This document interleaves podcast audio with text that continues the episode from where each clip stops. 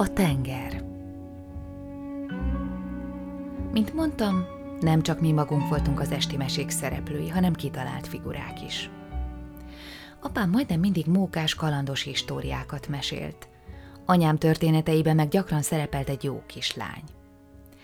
Ez a kislány karácsony vagy húsvét előtt rendszeresen felbukkant a mesékben, mintha valami titokzatos, csillagszórós vagy bárányos tojásos közeg lakója lett volna, ahonnan csak bizonyos időszakokban volna szabad megidézni őt. Erkölcsi világképen formálása érdekében, merőben didaktikai okokból.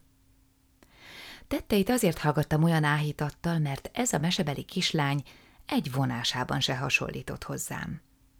Illedelmes volt, szelíd, kedves, egyszer sem ordított az utcán, mint én, egyszer sem mondta a néniknek a kötelező kezét csokolom helyett, hogy búbarom, mint én. Olykor támadt is bennem valami halvány gyanú, hogy voltak éppen nekem is olyannak kellene lennem, mint annak a kislánynak, s talán nem is véletlenség, hogy anyám annyi este őt emlegeti. Lesújtó gondolat volt, ha egyáltalán utánozni szerettem volna valakit, az utcánkban Guriga néven számon tartott garázda suhanc volt az eszményképem, aki faspulnikkal kereskedett, s úgy tudott káromkodni, hogy idősebb hajduk piruló arccal suhantak el mellette.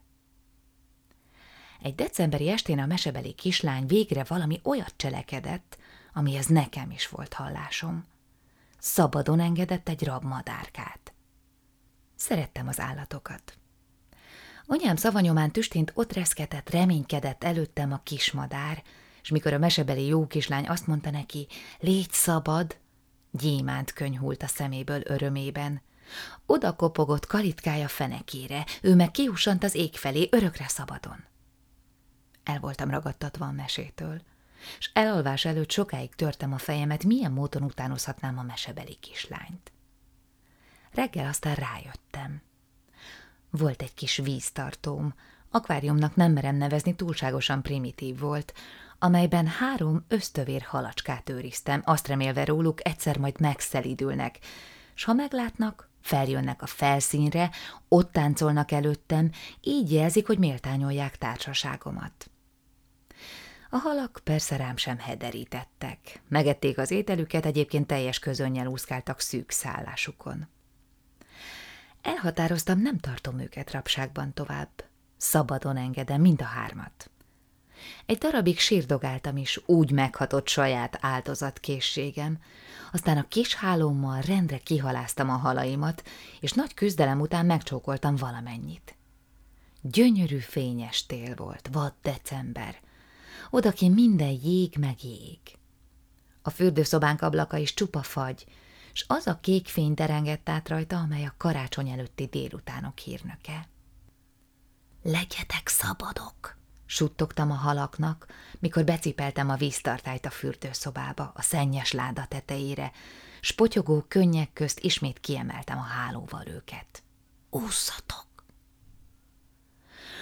Az út a szabadság, az óceán felé az én elképzelésem szerint a fürdőkád alatti lefolyón átvitt. Ott mindig iszonyú sustorgás, zubogás volt, ha a fürdővizet kiengedtük. Egy pillanatig se kételkedtem benne, hogy ott lakik a tenger.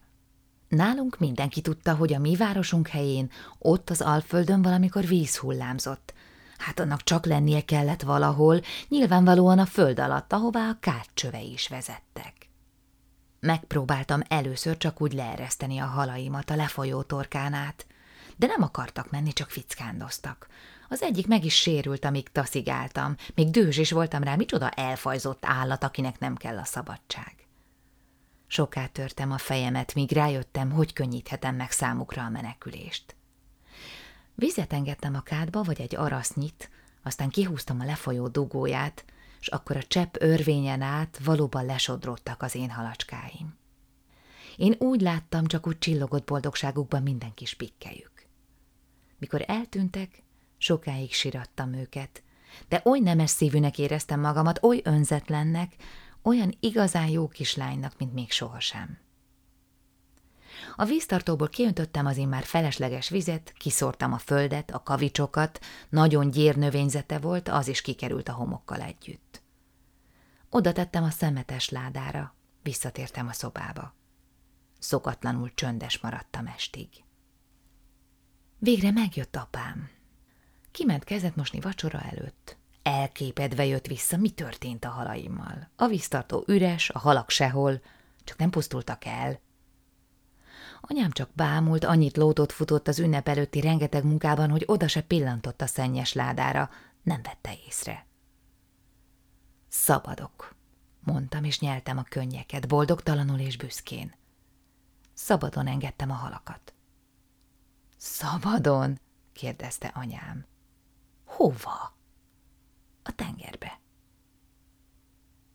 Csend lett. Nagy csend. Apám közelebb az ötvenhez, mint a negyvenhez, sose látta a tengert. A szó ott maradt az asztal felett, kék lett és tündökölt. Láttam a halacskáimat, amint boldogan bukfenceznek a habok között, és ismerkednek az igazi nagy halakkal. Hol van a tenger dolna? kérdezte apám. Hol engedted szabadon a halaidat? A lefolyóban. Sült krumpli volt. Anyám nagyon lassan ketté tört egyet. Gyönyörű, szürkézöld pillantását lesütötte a tányérra. Apám hallgatott, mindketten hallgattak, annyira, hogy valami névtelen aggodalom fogott el, valami riadt kételj. Hát nem ott van?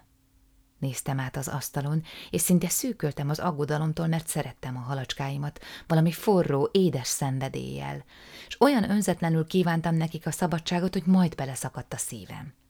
Csak nem engedtem rossz útra őket, mikor jó kislány akartam lenni végre, olyan igazi mesebeli kislány. Hát nem arra van a tenger? Ott van, ahol hiszed, mondta apám. Ő is megtört egy krumplit, maga elé húzta a tányérkámat. Nekem mindig kibontották a héjából, úgy rakták elém a sült krumplit. Bámultam rá. Anyám lehajtott, furcsán meghatott arcára, és azt gondoltam, akkor jó, akkor semmi sem történt hiába. Zsírt kértem a krumplira, nem szerettem a vajat. A felnőttek nem beszéltek vacsora közben. Apám néha megköszörülte a torkát. Mikor valóban megláttam a tengert, különös módon éppen december volt, nagy hó, vastag jégcsapok a svéd házakon. Néztem a zöld hullámokat, és láttam hátukon írogni hajdani fürdőszobánk ablakát, amely mögött ott osont a hajdúsági karácsony, és láttam aranyhalaim villogását is, ahogy megkapják a szabadságot ügyetlen kezemből, és eltűnnek a lefolyón át örökre. Hol van a tenger dolna? Kérdezte bennem apám örökre elnémult hangja. Hol van a tenger? Ahol hiszed. Ott a skandináv parton tudtam, hogy igaza volt, és emlékeim között rezegni, remegni kezdett, élőbben, mint a téli szélben duzzadó valóságos habok, gyermekkorom fürdőkád óceánja.